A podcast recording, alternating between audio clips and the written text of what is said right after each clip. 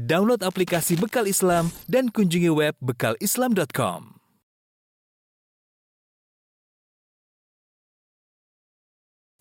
Bismillahirrahmanirrahim. Assalamualaikum warahmatullahi wabarakatuh. Alhamdulillahi ala ihsani wa syukru lahu ala taufiqihi wa amtinani wa asyhadu an la ilaha illallah dahu la syarika lahu ta'ziman li sya'ni wa asyhadu anna Muhammadan abduhu wa rasuluhu da'ila ridwani. Allahumma salli alaihi wa ala alihi wa ashabi wa ikhwani. Para pemirsa yang dirahmati Allah Subhanahu wa taala, pada kesempatan yang bahagia ini kita akan membahas tentang kisah seorang nabi yang mulia itu Nabi Sulaiman alaihissalam itu Sulaiman bin Daud alaihi wassalam. Dan Al-Quran menyebutkan Nabi Sulaiman dalam Al-Quran sangat banyak ya, lebih dari 15 kali. Dan semuanya adalah isinya adalah pujian kepada Nabi Sulaiman alaihi salam. Hal ini berbeda dengan uh, perjanjian lama ya. Dalam Bible ya yang di situ ada sebagian uh, cercaan terhadap Nabi Sulaiman di mana beliau melakukan kesalahan-kesalahan.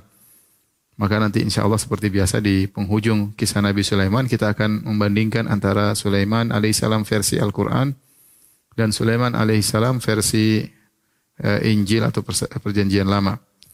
Uh, di antara ayat-ayat yang memuji Nabi Sulaiman seperti firman Allah Subhanahu wa taala wa wahabna lahu ishaq wa yaqub kullan hadaina wa nuhan hadaina min qabl wa min dzurriyyatihi Dawud wa Sulaiman wa Ayyub wa Yusuf wa Musa wa Harun wa kadzalika najzil muhsinin. Kata Allah kami anugerahkan kepada Ibrahim, Ishak dan Yakub dan masing-masing kami beri beri petunjuk dan Nabi Nuh sebelumnya telah kami beri petunjuk pula. Wa min dzurriyyatihi dan di antara keturunan Ibrahim alaihissalam Daud, Sulaiman, Ayub, Yusuf, Musa, Harun. Jadi di sini diketahui bahwasanya Sulaiman adalah keturunan Nabi Ibrahim alaihissalam. Wa kadzalika najzil muhsinin kata Allah. Demikianlah kami memberi balasan kepada orang-orang yang berbuat kebaikan. Tatkala Allah menyebutkan uh, para nabi tersebut, Allah menggabungkan mereka semuanya dalam uh, kelompok al-muhsinin, yaitu orang yang berbuat ihsan. Uh, dan kita tahu ihsan adalah tingkatan yang tinggi setelah Islam, iman, baru kemudian ihsan. Ya, dan ini diraih oleh para anbiya, ya. Di antaranya Nabi Sulaiman alaihissalam. Demikian juga dalam surat yang lain dalam surat Al-Anbiya, Allah memuji Nabi Sulaiman. Kata Allah, "Fafahamnaha Sulaiman." Kami menjadikan Sulaiman paham. Dan ini sudah kita sebutkan pada kisah Nabi Daud sebelumnya. Tatkala Nabi Daud dan Sulaiman menghadapi beberapa kasus di antaranya Nabi Daud alaihissalam memberi keputusan hukum yang sudah tepat. Tetapi Nabi Sulaiman memberi keputusan hukum yang lebih tepat daripada keputusan Nabi Daud alaihissalam. Ya. Dua-duanya telah diberi ilmu, ya tetapi Sulaiman diberi kelebihan. Fafahamnaha Sulaiman. Kata Allah, kami berikan kepemahaman kepada Nabi Sulaiman. Artinya pemahaman Nabi Sulaiman lebih tajam daripada pemahaman ayahnya Daud uh, alaihissalam. Dan di antara keistimewaan Nabi Sulaiman alaihissalam, Nabi Sulaiman adalah nabi yang membangun Baitul Maqdis. Tentu ada khilaf di kalangan para ulama, siapakah yang membangun Baitul Maqdis? Ada yang mengatakan Nabi Adam alaihissalam, Nabi Sulaiman hanya melanjutkan. Ada yang mengatakan bahwasanya Nabi Yakub alaihissalam yang pertama kali membangun yang melanjutkannya Nabi Sulaiman. Tapi intinya Nabi Sulaiman ikut serta dalam membangun uh, Baitul Baitul Maqdis. Yang kita tahu bahwasanya dalam Islam ada tiga masjid spesial, Masjid Haram, Masjid Nabawi dan Masjid Al-Aqsa atau Baitul Maqdis. Yang tiga masjid ini dibangun oleh para nabi. Masjid Haram dibangun oleh Nabi Nabi Ibrahim alaihissalam, Masjid Baitul Maqdis dibangun oleh Nabi Sulaiman dan Masjid Nabawi dibangun oleh Rasulullah sallallahu alaihi wasallam. Oleh karenanya karena tiga masjid ini dibangun oleh para nabi, maka Allah berikan keistimewaan kepada tiga masjid ini. Di antaranya orang yang sholat di ketiga masjid ini diberikan pahala berlipat ganda. Kata Nabi SAW, Fadlu salati fil masjidil haram ala ghairihi mi'atu alfi salatin. Keutamaan solat di masjidil haram dibandingkan dengan yang lainnya seratus ribu kali lipat. Wa fi masjidi alfu salatin dan salat di masjidku ini kata Nabi SAW Masjid Nabawi seribu kali lipat. Wa fi masjidi Baitul Maqdis khamsu mi'ati salatin. Adapun salat di Masjid Baitul Maqdis, Masjid Al-Aqsa maka 500 kali lipat. Allah berikan lipat ganda ini dan tidak diberikan kepada masjid-masjid yang lain. Semua masjid-masjid di atas muka bumi ini satu kali lipat ya. Yang berlipat-lipat hanya tiga masjid yang dibangun oleh para nabi. Oleh karenanya Nabi melarang seorang bersafar ke tempat yang jauh untuk mencari keberkahan kecuali kepada tiga masjid ini. Kata Nabi SAW, La tushaddur rihal illa ila thalathati masajid. Tidak boleh seorang sengaja bersafar perjalanan jauh dalam rangka mencari keberkahan tempat kecuali hanya kepada tiga tempat yaitu Masjidil Haram, Masjidil Aqsa dan Masjid Nabawi ya. Oleh karenanya tatkala Abu Hurairah radhiyallahu anhu sengaja bersafar untuk pergi ke Tursina, tempat yang suci yang di mana uh, Nabi Musa alaihissalam pernah bertemu dengan Allah Subhanahu wa taala, maka Abu Hurairah ditegur oleh seorang sahabat yang lain dengan membawakan hadis ini. Nabi SAW melarang seorang bersafar untuk mencari keberkahan tempat kecuali kepada tiga masjid. Adapun masjid-masjid di dunia ini, hmm, seperti Indonesia, Masjid Demak, Masjid Ampel, Masjid Kudus, Masjid Istiqlal, maka semuanya sama mirip dengan masjid-masjid yang ada di eh, sekitar kita, baik masjid eh, di Al Ikhlas di Bekasi atau masjid eh, kemudian dan yang lainnya ya, atau Masjid Tarbiyah ya dan yang lainnya yang ada di Jakarta Selatan ya. Semuanya sama, yang spesial cuma tiga masjid eh, tersebut. Dalam satu hadis Nabi SAW bersabda, Inna Sulaiman bin Daud lama bana Baitul Maqdis sa'ala Allah Azza wa Jalla khilalan thalathatan. Tatkala Nabi Sulaiman bin Daud alaihi salam membangun uh, Masjidil Aqsa, maka beliau meminta tiga perkara. Apa tiga perkara tersebut? Pertama, sa'ala Allah Azza wa Jalla hukman yusadifu hukmahu. Beliau mohon kepada Allah agar kalau beliau berhukum maka hukumnya sama dengan kehendak Allah seperti hukum Allah Subhanahu wa taala ya fautiyahu maka dia dikabulkan permohonannya tersebut sehingga setiap beliau berhukum maka hukumnya sama dengan yang Allah kehendaki sesuai dengan hukum Allah wa sa'ala Allah azza wa jalla mulkan la yanbaghi li ahadin min kemudian permohonan kedua dia minta kepada Allah agar diberikan kerajaan yang tidak pantas diberikan kepada seorang pun setelah beliau nanti akan kita jelaskan apa maksud kerajaan tersebut dan fautiyahu kata Rasulullah SAW dikabulkan permohonannya tersebut. Kemudian yang ketiga wasal Allah azza wa jalla hina faragha min bina'il masjid dan beliau meminta permohonan ketiga tatkala selesai membangun Masjidil Aqsa an la ya'tiyahu ahadun la yanhazuhu illa salatu fihi an yukhrijahu min khati'ati ka yaumi waladatu ummuhu. Dia mohon kepada Allah agar kalau ada orang datang ke Masjidil Aqsa niatnya yang menggerakkan dia ke situ untuk salat di situ maka Allah mengeluarkan dia dari dosa-dosanya sebagaimana baru dilahirkan dari perut ibunya. Maka dalam riwayat yang lain Rasulullah SAW berkata, Ammas faqad u'tiyahuma. Adapun permohonan pertama dan kedua telah dikabulkan oleh Allah Subhanahu wa taala. Wa arju an yakuna qad u'tiya thalithata. Dan aku berharap Nabi Sulaiman juga dikabulkan doanya yang yang ketiga. Taib uh, para pemirsa yang dirahmati Allah Subhanahu wa taala, kita akan membawakan kisah Nabi Sulaiman sebagaimana yang Allah tuturkan dalam Al-Quran dari tiga surat. Yang pertama adalah surat Sad dari ayat 30 sampai ayat 40. Ya. Allah Subhanahu wa taala berfirman, "Wa wahabna li Dawuda Sulaiman ni'mal 'abdu innahu awwab." Dan kami anugerahkan atau kami karuniakan kepada Daud Sulaiman. Kami anugerahkan Sulaiman kepada Nabi Daud. Ni'mal 'abdu innahu awwab. Sungguh dia adalah hamba yang terbaik dan dia amat taat atau selalu kembali kepada uh, Rabbnya. Kita tahu uh, Nabi Daud ya alaihissalam ya diberikan banyak anugerah dan beliau juga dimiliki memiliki banyak anak ya. Tapi salah satu ya anugerah yang terindah bagi Nabi Daud adalah anak yang saleh yaitu Sulaiman ya. Yang kita tahu bahwasanya kalau kita mendapat anak yang soleh itu adalah anugerah yang luar biasa yang senantiasa mendoakan kita setelah kita meninggal meninggal dunia. Kemudian begitu mulianya Nabi Sulaiman, Allah memujinya dengan berkata, "Ni'mal abdu." Sebaik-baik hamba. Bayangkan, sebaik-baik hamba Allah adalah di antaranya Nabi Sulaiman, ya.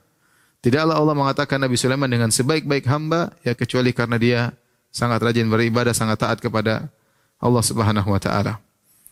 Dan Nabi Sulaiman dia bukanlah hanya sekedar seorang nabi, bahkan dia seorang raja. Sebagaimana pernah kita jelaskan, nabi yang sekaligus raja pertama kali Nabi Daud alaihissalam. Kemudian yang kedua adalah Nabi Sulaiman, seorang nabi sekaligus raja. Kita tahu namanya seorang raja tentu penuh dengan kesibukan, penuh dengan urusan keduniaan yang tidak bisa dia hindari. Mengatur kerajaan, mengatur masyarakat, mengatur rakyat, dan yang lainnya. Tetapi meskipun dia seorang raja, Sulaiman adalah seorang yang sangat rajin beribadah. Bahkan disebut oleh Allah dengan awab, yaitu orang senantiasa bertobat kepada Allah kalau melakukan kesalahan. Allah sebutkan ni'mal abdu innahu awab. Nabi Sulaiman adalah hamba yang terbaik dan dia senantiasa kembali kepada Allah jika melakukan kesalahan. Allah sebutkan contohnya setelah itu. Kata Allah, "Idz urida 'alaihi bil 'ashiyyi safinatul jinat." Jiyat.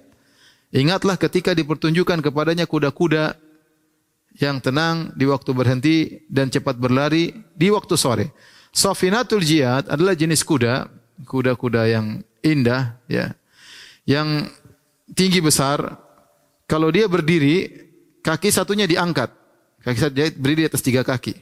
Kaki satunya di, tidak semua kuda seperti itu. Tapi safinatul jiyat maksudnya kuda yang dia punya empat kaki. Kalau dia berdiri, dia hanya berdiri di atas tiga kaki, lagi berhenti dan kaki satunya dilipat, diangkat sehingga hanya kukunya aja yang tergantung mengenai tanah. Dan itu kata orang adalah gaya kuda tersebut. Nampak kesombongan pada kuda tersebut. Jadi kuda tersebut indah dilihat. Pemandangan seperti itu, pemandangan yang indah. Kita lihat kuda berdiri, satu kakinya dilipat, ya, hanya kukunya yang mengenai uh, mengenai tanah dan dia bertumbuh kepada tiga kaki. Itu namanya sofinatul jiyad. Nabi Sulaiman memiliki kuda-kuda seperti itu dan suka dengan kuda-kuda tersebut. Apalagi disebutkan kuda-kuda tersebut dipersiapkan untuk berjihad di jalan Allah Subhanahu wa taala. Nah, suatu hari di sore hari Nabi Sulaiman ditampakkan kuda-kuda tersebut. Jadi dipertontonkan kuda-kuda tersebut. Nabi Sulaiman sedang melihat uh, kuda-kuda tersebut diperlihatkan di hadapan Nabi Sulaiman. Begitu keasikan Nabi Sulaiman melihat kuda-kuda tersebut, ya, sampai matahari terbenam, Nabi Sulaiman lupa berzikir petang kepada Allah Subhanahu wa taala. Ya. Akhirnya Nabi Sulaiman berkata, "Inni ahbabtu hubbal khairi an dzikri rabbi." Aku mencintai kebaikan itu. Kuda-kuda ini disebut kebaikan, kuda-kuda yang dipersiapkan untuk jihad jalan Allah. An dzikri rabbi sampai aku lupa untuk mengingat Rabbku hatta tawarat bil hijab sampai matahari terbenam ya. Nabi Sulaiman lupa untuk zikir petang. Maka karena keasikan menonton pertunjukan kuda-kuda tersebut, Nabi Sulaiman lupa berzikir petang. Maka Nabi Sulaiman pun menyesal dia berkata, "Rudduha alayya." Kembalikanlah kuda-kuda tersebut. Fatafiqa mashan bisuqi wal a'naq. Maka Nabi Sulaiman untuk menebus kesalahannya, maka kuda-kuda yang dia cintai tersebut, yang dia sukai tersebut, yang membuat terpesona sehingga lupa untuk zikir petang, maka akhirnya dipotong kakinya dan di lehernya oleh Nabi Sulaiman. Kuda-kuda tersebut yang membuat dia lalai, kemudian disedekahkan kepada fakir miskin. Subhanallah, inilah Nabi Sulaiman eh, alaihissalam. Jadi kalau ada hal-hal yang membuat kita lalai, ya boleh kita sedekahkan kepada orang lain di jalan Allah Subhanahu wa taala ya. Kalau ada mobil kita mobil baru bikin kita lalai, mobilnya jual aja ya. Jual aja kemudian disedekahkan hasilnya kepada yang bermanfaat. Ya, kita hidup cuma sekali di atas muka bumi, jangan sampai terlelaikan dengan hal-hal yang terlalu membuat kita terpesona. Ini pendapat pertama tentang kisah ini. Sebagian ulama yang lain seperti uh, Ibnu Jarir atau Bari berpendapat tentang ayat ini, maksudnya Nabi Sulaiman diperlihatkan kuda-kuda ya Kemudian dia pun suka dengan kuda-kuda tersebut. Akhirnya begitu kuda-kuda tersebut pergi, dia minta kembalikan kuda-kuda tersebut dan dia tidak menyembelih tapi dia sentuh keringat kuda tersebut, dia hilangkan debu-debu dari kuda tersebut karena dia sangat cinta kepada kuda-kuda ini. Karena kuda-kuda ini dipersiapkan untuk jihad di jalan Allah. Namun ini pendapat kurang kuat Allah alam besok yang lebih kuat adalah pendapat yang tadi saya sebutkan. Ya, karena Allah setelah menyebutkan nikmal abdu innahu awwab Sungguhnya Sulaiman adalah hamba yang baik dan awab itu kalau melakukan kesalahan segera kembali kepada Allah. Maka Allah sebutkan contohnya. Contohnya, contohnya ini. Contohnya Nabi Sulaiman harusnya di sore hari zikir petang dia lupa. Kenapa? Karena asik menonton kuda-kuda yang indah tadi Safinatul Jihad. Sampai matahari terbenam, akhirnya dia sadar kuda-kuda tersebut membuat dia lalai, maka dia sembelih kuda-kuda tersebut untuk diserahkan kepada fakir miskin karena Allah Subhanahu wa taala. Ya, ini adalah sikap yang luar biasa dari Nabi Sulaiman. Ya, dia sangat mencintai kuda-kuda tersebut. Ya, sampai Nabi Sulaiman berkata, "Ini ahbabtu hubbal khair." Aku suka dengan kuda-kuda ini, tapi harus di, ditinggalkan semuanya karena Allah Subhanahu wa taala, ya.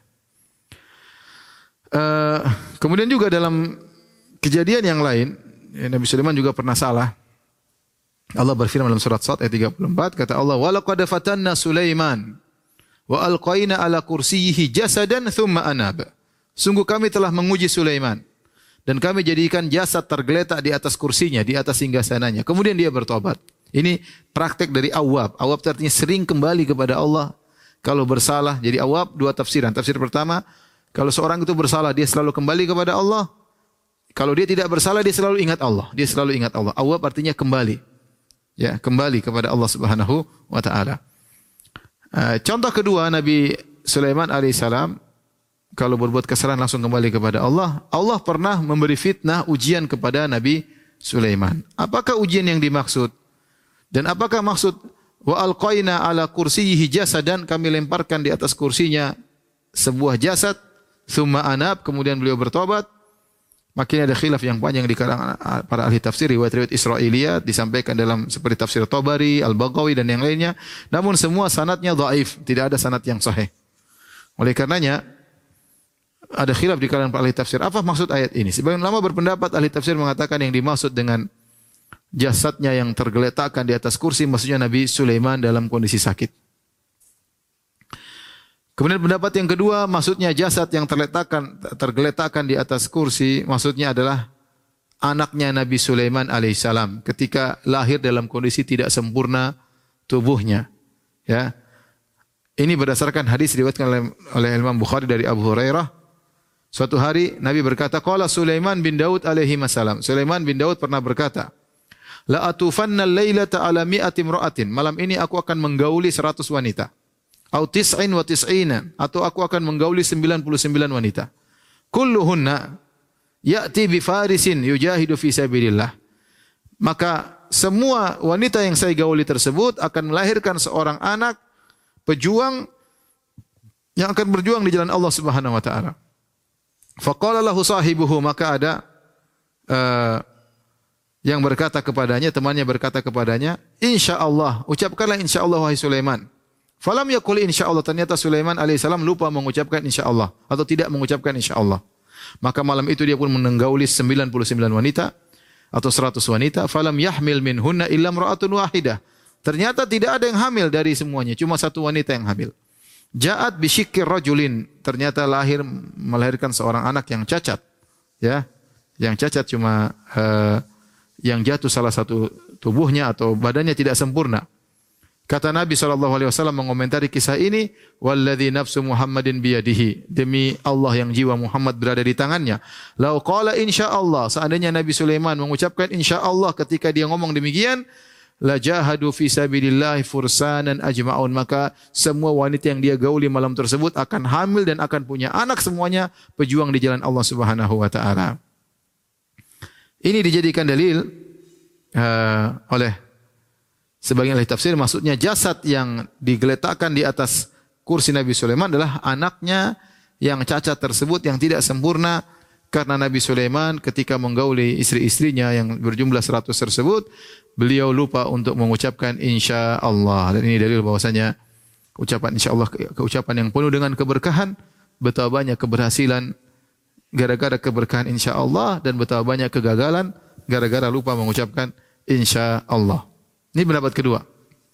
Pendapat ketiga bahwasanya jasad yang dimaksudkan oleh Allah dalam firman-Nya wa alqaina ala kursiyihi jasadan ya kami uh, kami menjadikan sebuah jasad tergeletak di atas kursinya maksudnya adalah syaitan dan ini pendapat Syekh Abdurrahman bin Nasir Sa'di yaitu syaitan pernah mengalahkan Sulaiman dan menguasai kerajaan Nabi Sulaiman ya yaitu tatkala zaman itu setan belum tunduk kepada Nabi Sulaiman.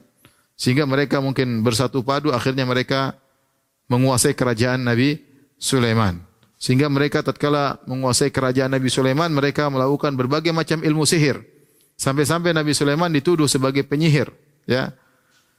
E, sebagaimana yang Allah sebutkan dalam Al-Qur'an, ya. Bahwasanya mereka mengatakan ya wattaba'u ma tatlu syayatinu ala mulki Sulaiman. Mereka mengikuti apa yang dibacakan oleh setan-setan pada kerajaan Sulaiman. Wa ma kafara Sulaiman? Sulaiman tidak pernah kafir walakinna syayatina kafaru. Tetapi setan-setanlah yang kafir. Yuallimuna nasa sihar. Mereka mengajarkan manusia sihir. Jadi ketika di zaman setan menguasai kerajaan Sulaiman mereka mengajarkan ilmu sihir. Mengajarkan ilmu ilmu sihir. Tatkala itu Sulaiman tersingkirkan. Ini di antara tafsir-tafsir ya yang disebutkan Kenapa setan bisa menguasai kerajaan Sulaiman? Tentu ada kesalahan yang dilakukan oleh Nabi Sulaiman tapi tidak dijelaskan. Allah hanya menyebutkan secara global, summa anab. Setelah itu Nabi Sulaiman bertobat. Ketika dia bertobat, maka Allah kembalikan kerajaannya kepada Nabi Sulaiman. Adapun kesalahannya apa? Tidak disebutkan. Ya, tidak di, disebutkan. Maka ketika kerajaan Sulaiman dikuasai oleh setan, maka Sulaiman pun berdoa, Qala rabbi gufirli wa habli mulkan la yambaghi li ahadin min ba'di innaka antal wahhab. Nabi Sulaiman berdoa, "Ya Rabbku ampunilah aku dan anugerahkanlah kepadaku suatu kerajaan yang tidak pantas bagi seorang pun setelahku. Sungguhnya engkau adalah uh, pemberi anugerah." Ya. Uh, ini doa Nabi Sulaiman alaihissalam yang dikabulkan oleh Allah Subhanahu wa taala. Perhatikan doa ini, Nabi Sulaiman membuka doanya dengan beristighfar, Rabbi. Ini di antara cara dikabulkan doa seorang mengakui kesalahannya. Mohon ampunan kepada Allah Subhanahu wa taala. Setelah dia bertobat kepada Allah, baru kemudian dia majukan permohonannya, wahabli mulkan. Anugerahkanlah kepada kerajaan la yang bagi li ahadin ba'di. Yang kerajaan tersebut tidak boleh seorang pun memiliki kerajaan sepertiku setelah setelahku. Ya. Maka Allah kabulkan kerajaan Nabi Sulaiman. Kerajaan yang luar biasa ya, yang di situ ada pasukan jin ya baik jin-jin yang jahat maupun jin-jin yang baik ya. Ini kerajaan yang luar biasa. Ketika Nabi Sulaiman alaihissalam minta dianugerahkan kerajaan oleh Allah Subhanahu wa taala, Nabi Sulaiman bukan mencari dunia, ingin kerajaannya luas, pasukannya hebat, pasukan jin-jin, hewan-hewan dikuasai oleh dia, bukan untuk gagah-gagahan. Para ambia tidak mencari dunia. Tetapi dalam rangka bahwasanya jangan sampai kerajaan dikuasai oleh syaitan sehingga Nabi Sulaiman mudah untuk berdakwah agar bisa menyebarkan kebenaran di wilayah kekuasaannya. Bukan hanya gagah-gagahan. Dan ini sebagaimana Nabi Sulaiman kita sebut tadi dia berdoa ke, dia ingin mendatangi istrinya 100 orang agar punya anak bukan supaya gagah-gagahan tapi supaya anak-anaknya semua berjihad di jalan Allah. Jadi tidaklah para nabi meminta dunia kecuali untuk akhirat. Kecuali untuk akhirat, ya. Sebagaimana kita sebutkan Nabi Ayub ketika mengumpulkan belalang-belalang emas, ya. Dia tidak ada masalah kata para ulama. Kita mengumpulkan harta yang penting untuk di jalan Allah Subhanahu wa taala. Adapun kalau kita kumpulkan harta, memiliki kekuasaan yang banyak bukan karena di jalan Allah hanya memperpanjang hisab kita pada hari kiamat kelak. Taib, sebagaimana Nabi Yusuf alaihissalam ketika meminta atau tatkala ditawarkan kekuasaan maka beliau terima dan beliau minta agar dijadikan sebagai bendaharawan Mesir supaya apa? Supaya beliau bisa mengolah harta Mesir dan bisa dimanfaatkan untuk kepentingan masyarakat. Taib ketika Nabi Sulaiman berdoa, minta diberikan kerajaan luar biasa yang tidak boleh seorang pun menguasai kerajaan seperti itu setelah beliau, maka Allah kabulkan. Kata Allah, "Fasakharna lahu riha tajri bi amrihi rukha'an haitsu asab." Maka kami tundukkan kepadanya angin yang berhembus dengan baik menurut ke mana saja yang dia kehendaki. Jadi angin ditundukkan oleh Allah Subhanahu wa taala kepada Nabi Sulaiman. Nanti angin, jin, hewan-hewan semuanya tunduk kepada Nabi Sulaiman. Sebagian ulama berdalil, inilah pembenaran dari hadis Nabi man taraka syai'an lillah awadahullahu khairan minhu. Barang siapa meninggalkan suatu karena Allah, Allah berikan lebih baik. Nabi Sulaiman, kuda-kuda yang indah tadi membuat dia lalai. Nabi Sulaiman tinggalkan kuda-kuda tersebut, bahkan kuda-kuda tersebut disembelih untuk Allah Subhanahu wa taala, maka Allah gantikan yang lebih baik itu kerajaan yang hebat. Ya, kerajaan yang yang hebat ya. Pengorbanan Nabi Sulaiman diberi balasan Allah dengan yang jauh lebih baik. Maka Allah tundukkan angin. Angin tajri bi amrihi. Angin tersebut berjalan dengan perintah Nabi Sulaiman. Ruhoan, angin yang lembut. Haitsu asab di mana yang Nabi Sulaiman kehendaki. Tinggal belok kanan anginnya belok kanan, belok kiri anginnya belok belok kiri ya. Tidak usah pakai setir ya. Tinggal dia ngomong angin tersebut berjalan. Kemudian angin tersebut ruhoan, lembut. Bukan angin yang keras, bukan angin yang buat Nabi Sulaiman ketakutan atau takut jatuh, tapi berjalan dengan lembut, nyaman bagi Nabi Sulaiman alaihissalam. Ini di antara sifat angin Nabi Sulaiman. Kemudian di antara kerajaan yang Allah berikan kepada Nabi Sulaiman, wasyayatina kullabanna'in wa gawwas. Dan kami tundukkan pula kepada Sulaiman setan-setan. Jadi bukan jin-jin baik aja yang tunduk kepada Sulaiman. Setan-setan tunduk kepada Nabi Sulaiman. Setan-setan tersebut memiliki dua fungsi. Kullabanna'in, setan-setan pembangun yang buat bangun bangunan Wa setan-setan penyelam. Jadi setan-setan kontraktor sama setan-setan penyelam. Aslinya Nabi Sulaiman kalau nyuruh mereka ingin bangun apa saja mereka bangun. Mau bangun gedung, mau bangun ini, mau bikin patung, bangun apa, mereka bikin setan-setan tersebut. Luar biasa ya. Gawas yaitu setan penyelam. Nabi Sulaiman ingin ngambil suruh ngambil ikan ini, suruh ngambil ini, suruh ngambil mutiara yang ada di lautan, suruh ambil apa pun di laut. Setan-setan tersebut mampu dan itu semua anak buah Nabi Sulaiman. Mereka ditundukkan oleh Allah. Mereka setan, mereka tidak suka dengan tauhid, mereka tidak suka dengan Nabi Sulaiman, tapi mereka harus tunduk kepada Nabi Sulaiman karena Allah yang menundukkan jin setan-setan tersebut kepada Nabi Sulaiman. Jadi ada jin ahli bangunan dan ada jin penyelam. Kemudian kata Allah Subhanahu wa taala, "Wa akharina muqarrarina fil asfalt." Dan sebagian jin-jin yang lain, setan-setan yang lain terbelenggu, terikat dalam belenggu. Hadza atauna. Jadi ada jin-jin yang membangkang, maka Nabi Sulaiman ikat belenggu. Setan-setan yang nurut maka disuruh kerja oleh Nabi Sulaiman. Kata Allah, "Hadza atauna." Inilah anugerah dari kami wahai Sulaiman. Famnun Au amsik bi ghairi hisab. Silakan kau pegang buat kau, kau bagi-bagi kepada orang lain, terserah, tidak ada hisab bagimu. Luar biasa. Kata Allah ini anugerah, ambillah Sulaiman. Mau kau lakukan buat apa? Bagi-bagi sama orang, mau kau pegang untuk engkau, tidak ada hisab bagimu. Ya. Allah Subhanahu wa taala berikan segala uh, kenikmatan kepada Nabi Sulaiman dan kemewahan kepada Nabi Sulaiman. Kemudian kata Allah wa inna lahu indana la zulfa wa husna ma'ab dan Sulaiman memiliki kedudukan yang dekat dengan kami dan memiliki tempat kembali yang baik ya. Jadi di dunia Allah berikan kebebasan kepada Sulaiman lakukan yang kau kehendaki ini pemberian kami mau bagi-bagi mau kau tahan tidak ada hisab namun kau tetap mulia di sisi kami dan di akhirat kau memiliki tempat kembali yang baik. Inilah di antara keistimewaan Nabi Sulaiman kerajaannya yang tidak boleh dimiliki oleh seorang lagi setelah Nabi Sulaiman adalah menguasai jin. Di antaranya menguasai jin. Ya jin setan-setan semua tunduk. Ingat Sulaiman alaihissalam ketika menguasai setan-setan tersebut bukan pakai mahar, bukan melakukan kesyirikan. Memang Allah tundukkan setan-setan tersebut. Ya tidak ikut latihan-latihan khusus, tidak ikut puasa-puasa mutilah, puasa anulah agar jin-jin tunduk kepada Sulaiman. Tidak Allah yang tundukkan jin-jin tersebut kepada Sulaiman alaihissalam.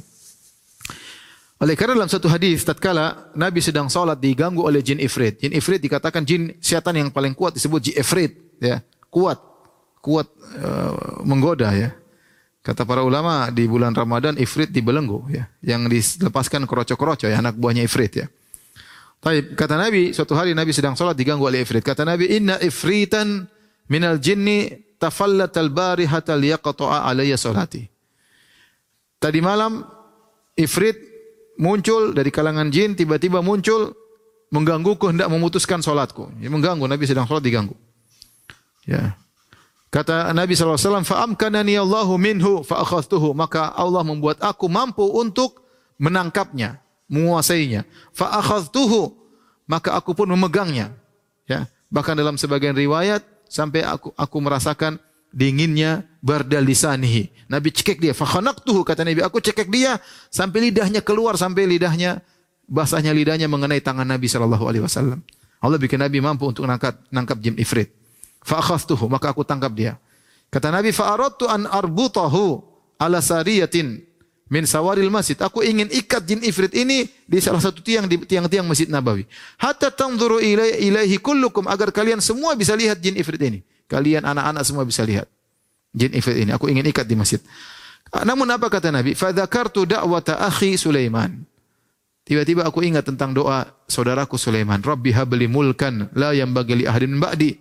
Ya Allah anugerahkanlah kepadaku suatu kerajaan, kekuasaan yang tidak boleh seorang pun memiliki kekuasaan sepertiku. Faradatuhu khasian maka aku lepaskan dia dalam kondisi dia terhina.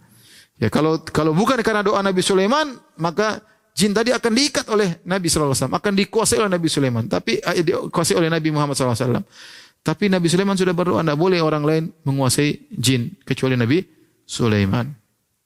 Oleh karenanya tidak benar kemudian yang terjadi di tanah air kita ada orang menguasai jin, punya khodam jin ya, perintah jin sana ke sana kemari ya. Ini semua tidak benar. Ini pasti diperoleh dengan cara yang tidak benar. Kalau seorang boleh menguasai jin, maka harusnya Nabi yang menguasai jin. Jin ifrit saja bisa Nabi tangkap apalagi jin-jin yang yang lain. Apalagi banyak jin-jin yang ya, yang soleh ya. Jin-jin yang soleh yang masuk Islam. Dalam Al-Quran Allah sebutkan bagaimana para jin ya istama ana minal jin sekelompok jin mendengarkan lantunan bacaan Al-Quran ya sehingga mereka pun masuk masuk Islam dan mereka pun berdakwah di antara ya qaumana ajibu dai Allah mereka berdakwah di antara para jin untuk mengikuti ajaran Rasulullah SAW. Jadi banyak jin muslim di zaman Nabi SAW. Namun Nabi tidak pernah punya pasukan jin. Dan Nabi tidak pernah minta tolong sama mereka sekalipun tidak pernah. Bahkan padahal Nabi sangat membutuhkan pertolongan. Misalnya dalam perang Badar, dalam perang Uhud, dalam perang Khandaq. Ya kalau Nabi diizinkan untuk menguasai jin, Nabi akan kumpulkan para jin untuk memporak-porandakan misalnya uh, pasukannya orang Quraisy ya. Namun tidak sekalipun Nabi minta tolong sama jin. Bahkan dalam kondisi genting seperti perang Badar, perang Uhud, perang Khandaq dan perang-perang yang lainnya. Ya. Demikian juga ya tatkala kalung istri Nabi hilang, ya, Aisyah radhiyallahu taala anha, Nabi tidak minta tolong satu satu jin pun untuk mencarikan kalung Aisyah radhiyallahu taala anha.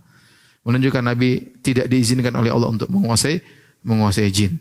Oleh karena kalau zaman sekarang ada orang menguasai jin, kita bilang enggak benar. Kamu tidak boleh. Itu hanya hak Nabi Sulaiman alaihissalam. Kamu harus lepaskan ya. Kamu melakukan demikian pasti ada kesyirikan yang kau lakukan, ada mahar yang kau bayar. Sulaiman menguasai jin tanpa mahar. Karena sebenarnya orang mengatakan kita boleh menguasai jin. Buktinya Sulaiman menguasai jin. Beda. Sulaiman menguasai jin alaihissalam. Allah yang membuat jin-jin tersebut tunduk kepada Sulaiman. Tidak ada ritual, tidak ada bayar-bayaran, tidak ada mahar, tidak ada kesyirikan, tidak ada yang lainnya. Ya. Taib.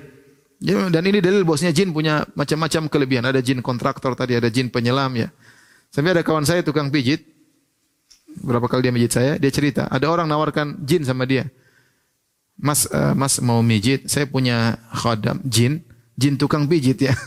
kalau Mas mau bayar. Jadi kalau Mas mijit tinggal sentuh sedikit sudah kerasa pijitannya. Kenapa? Ada jin tukang pijit yang bantu dia ya. Subhanallah. Tidak boleh. Ini diharamkan oleh Allah Subhanahu wa taala karena yang berhak menguasai jin cuma Nabi Sulaiman alaihissalam. Tapi itu uh, kisah Nabi Sulaiman dalam surat Sa'ad. Kita lanjutkan surat kedua, surat Saba. Allah berfirman, "Wali Sulaiman ar-riha guduwuha syahrun wa rawahuha syahr."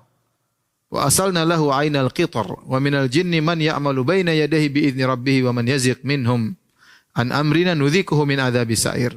Dan kami tundukkan kepada Sulaiman angin yang perjalanannya di pagi hari seperti perjalanan sebulan dan pulangnya di sore hari juga seperti perjalanan sebulan. Artinya anginnya Nabi Sulaiman yang membawa Nabi Sulaiman cepat tetapi tidak terlalu cepat. Jadi Nabi Sulaiman pergi untuk mengontrol kerajaannya, dia pergi di pagi hari dan pulang di sore hari. Nah, perginya dengan angin tersebut kecepatannya seperti perjalanan sebulan. Seperti orang naik kuda cepat selama sebulan, nah itu ditempuh cuma sekitar empat jam dengan anginnya Nabi Sulaiman. Berarti anginnya Nabi Sulaiman kencang tapi tidak terlalu kencang karena disebutkan rukhaan, lembut, tidak terlalu kencang. Artinya Nabi Sulaiman bukan angin kemudian mau jatuh kanan mau jatuh kiri, dia santai, ya. Mungkin taruh permadani di atas angin kemudian anginnya bisa membawa dia dengan dengan tenang, ya. Ya, kemudian disebutkan ketika Nabi Sulaiman naik angin tersebut, maka burung-burung anak buah Sulaiman alaihissalam burung-burung berada di atas Nabi Sulaiman untuk sebagai teduhan Nabi Sulaiman alaihissalam. Dan sekarang Siapa yang bisa punya kendaraan seperti Nabi Sulaiman? Ya, pesawat tercanggih pun sampai zaman sekarang kalau mau naik harus landasan dulu ya. Harus cepat dulu baru. Nabi Sulaiman enggak duduk manis di atas angin, angin angkat kemudian berjalan. Berjalan ya. Lembut ya. Lembut kemudian tanpa harus ada ribut-ribut, tidak ada.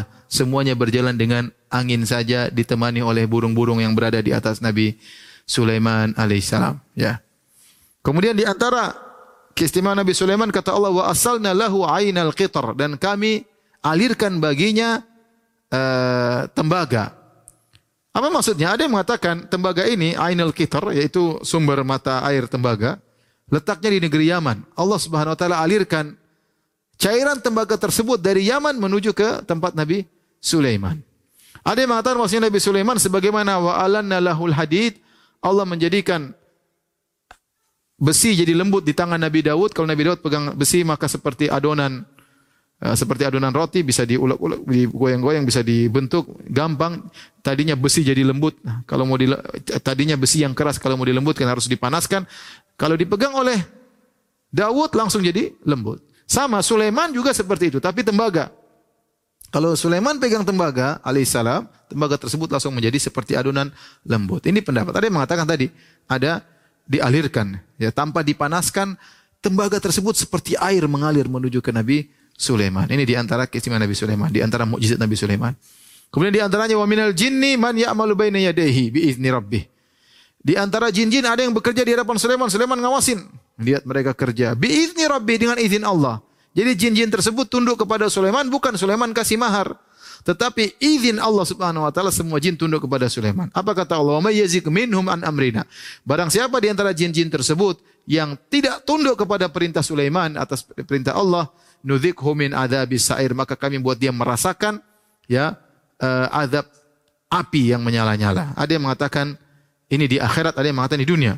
Jadi Allah kirim malaikat-malaikat untuk ngawasi jin-jin tersebut. Ada yang melanggar langsung dicambuk dengan cambuk api oleh malaikat. Mau tidak mau jin-jin tersebut harus tunduk kepada Sulaiman alaihi salam.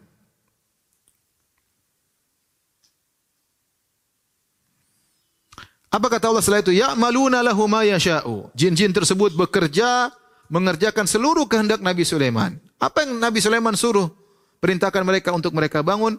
Ya ya'maluna lahu ma yasha'u min maharib. Mereka bangun mihrab-mihrab. Itu gedung-gedung tinggi ya atau tempat-tempat ibadah. Wa tamathil mereka juga bikin patung-patung. Zaman dahulu patung-patung dibolehkan. Entah patung-patung apa yang dibikin, apakah patung hewan atau apakah patung po, apa eh, pohon-pohon. Eh, tapi disuruh bikin patung-patung oleh Sulaiman. Maka jin-jin tersebut bikin. Ya, bukan seperti uh, pekerja manusia, jin-jin tersebut hebat-hebat. Wajifanin. Kemudian juga disuruh bikin uh, piring-piring. Kal jawab, yang piring-piring tersebut besarnya seperti danau. Bayangkan, karena anak buah Sulaiman banyak ya. Ada jin-jin, ada hewan-hewan, mungkin ada macan, ada gajah, macam-macam ya. Jengge sehingga butuh piring yang besar untuk makan. Wa kuduri demikian juga periuk-periuk, panci-panci. Rasiat yang besar, yang kokoh, susah untuk diangkat. Yang bikin semua apa? Jin, jin yang bikin. Apa kata Allah? I'malu ala Dawud syukra. Wahai keluarga Daud, beramalah kalian sebagai bentuk syukur kepada Allah. Wa qalilun min ibadiyas syakur. Dan hanya sedikit dari hamba-hambaku yang bersyukur. Ya inilah di antara uh, kelebihan Nabi Sulaiman. Jin-jin kerja di hadapan Sulaiman. Gak ada yang berani membangkang. Mereka setan tidak mau kerja, tapi kalau mereka membangkang langsung kena cambuk api. Ya, sehingga mereka harus tunduk kepada Sulaiman. Dan mereka bikin banyak kerjaan. Kerjaan banyak. Bikin ini, bikin patung-patung. Dan seperti saya katakan tadi, patung-patung di zaman dahulu. Syariat kita berbeda dengan syariat zaman dahulu. Apakah patung tersebut patung apa? Allah alam tidak disebutkan. Bisa jadi patung berupa pohon-pohon atau patung-patung yang diperbolehkan atau patung manusia misalnya atau patung yang lain atau hewan-hewan. Tapi zaman dahulu diperbolehkan, adapun sekarang tidak diperbolehkan. Ya, jadi ini dikerjakan oleh para jin-jin semua dan mereka semua ya memiliki kekuatan yang sangat besar yang tidak mungkin dilakukan oleh manusia ya.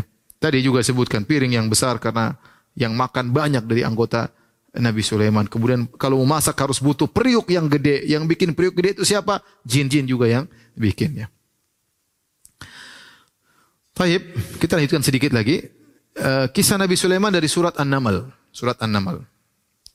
Surat An-Naml adalah surat yang paling panjang menceritakan tentang Nabi Sulaiman. Ya. Kita sampaikan sebagian, insya Allah besok kita lanjutkan lagi. Allah buka kisah Nabi Sulaiman dalam surat An-Naml ayat 15 kata Allah, "Walaqad ataina Dawuda wa Sulaimana ilma."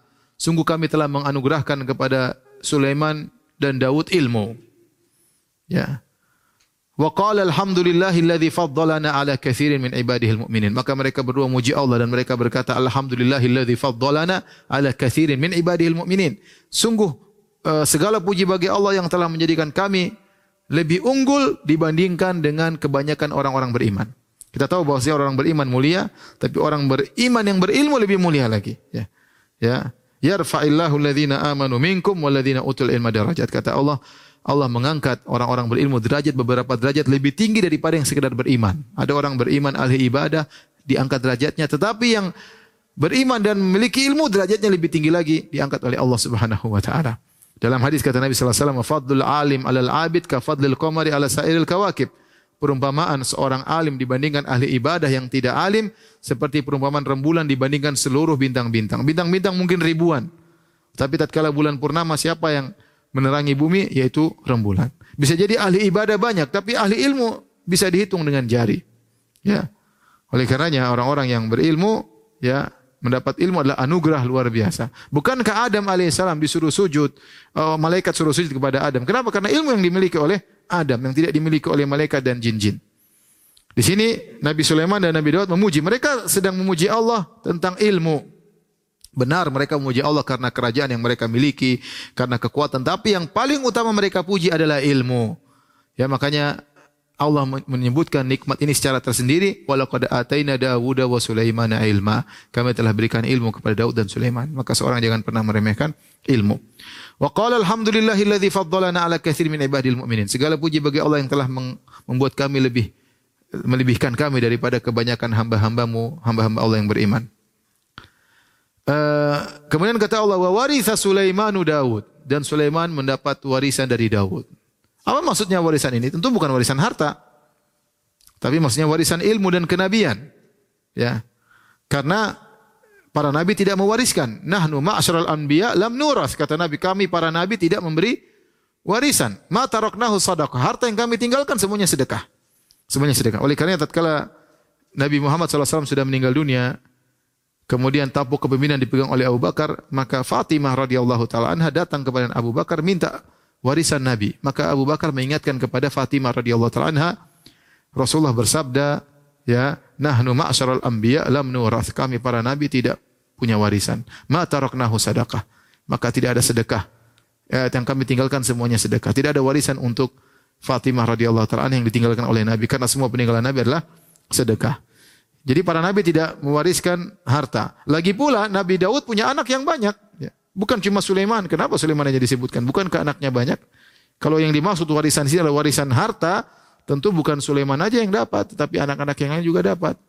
Kemudian buat apa Allah mengatakan Sulaiman mendapat warisan harta dari Nabi Daud? Apa faedahnya? Kenapa harus disebut dalam Al-Quran? Semua orang tahu namanya orang meninggal dapat harta dari bapaknya.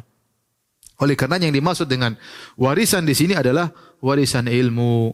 Ya, Nabi Daud mengajari anaknya, Sulaiman diajari oleh Nabi Daud alaihissalam sehingga dia menjadi anak yang soleh. Kemudian Allah berikan kenabian kepada Nabi Sulaiman. Di antara ilmu yang Allah ajarkan kepada Nabi Sulaiman, Nabi Sulaiman bisa bicara dengan hewan. Wa qala ya ayuhan nas, kata Sulaiman, wahai manusia sekalian, ulimna mantiqat tayr, sungguhnya kita kami diajarin untuk bisa bicara dengan burung. Wa autina min kulli syai dan kami diberikan segala sesuatu. Yang berikan oleh Allah Subhanahu wa taala. Inna hadza lahuwal fadlul mubin ini semua karunia yang nyata dari Allah Subhanahu wa taala. Lihatlah Nabi Sulaiman bersyukur. Dia ngomong di hadapan manusia, ini semua yang kalian lihat, saya bisa ngomong sama burung, saya punya harta yang banyak, ya aku diberikan segala sesuatu, kerajaan, pasukan, kekuatan dan yang lainnya. Ini semua lahuwal fadlul mubin, karunia dari Allah yang nyata. Kemudian kata Allah, wa husyira li Sulaimana junuduhu minal jinni wal insi wat tayri fahum yuzaun. Ya. Maka dihimpunkanlah untuk Sulaiman tentaranya dari jin, manusia dan burung. Lalu mereka diatur tertib oleh Nabi Sulaiman. Tapi para uh, pemirsa insya Allah kita lanjutkan ya. Besok insya Allah ta'ala. Hah? Uh, lusa kita lanjut hari Sabtu insya Allah tentang kisah Nabi Sulaiman. Masih kisah Nabi Sulaiman dengan burung hudhud. Kemudian juga dengan Ratu Bilqis. Dan terakhir tentang Sulaiman alaihissalam versi Eh, perjanjian lama. Insya Allah hari Sabtu kita lanjutkan. Mohon maaf tadi ada gangguan sedikit ya. Semoga uh, tidak terulang lagi. Subhanakallah bihamdik asyhadu alla ilaha anta Assalamualaikum warahmatullahi wabarakatuh.